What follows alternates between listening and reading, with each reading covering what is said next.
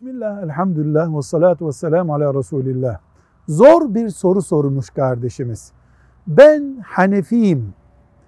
Şafii bir imamın arkasında namaz kılsam caiz olur mu? Bu soru çok zor. Neden? Çünkü bu soruda yani bu ümmetimizin bu kadar dağınık olduğu bir zamanda fıkhın ayrıntılarını dikkate alarak cevap vermek gerekiyor. Ama zaten bir arada değiliz. Bari camilerde bir arada duralım. Şuurumuz, düşüncemiz diyor ki ashab-ı kiram Allah onlardan razı olsun. Birbirlerinin arkasında namaz kılıyorlardı ama farklı düşündükleri fıkıh meseleleri de vardı. Namaz hakkında da farklı düşünüyorlardı mesela. Ama ümmetin birlik olmasını, camilerin birleştiriciliğini çok önemsiyorlardı.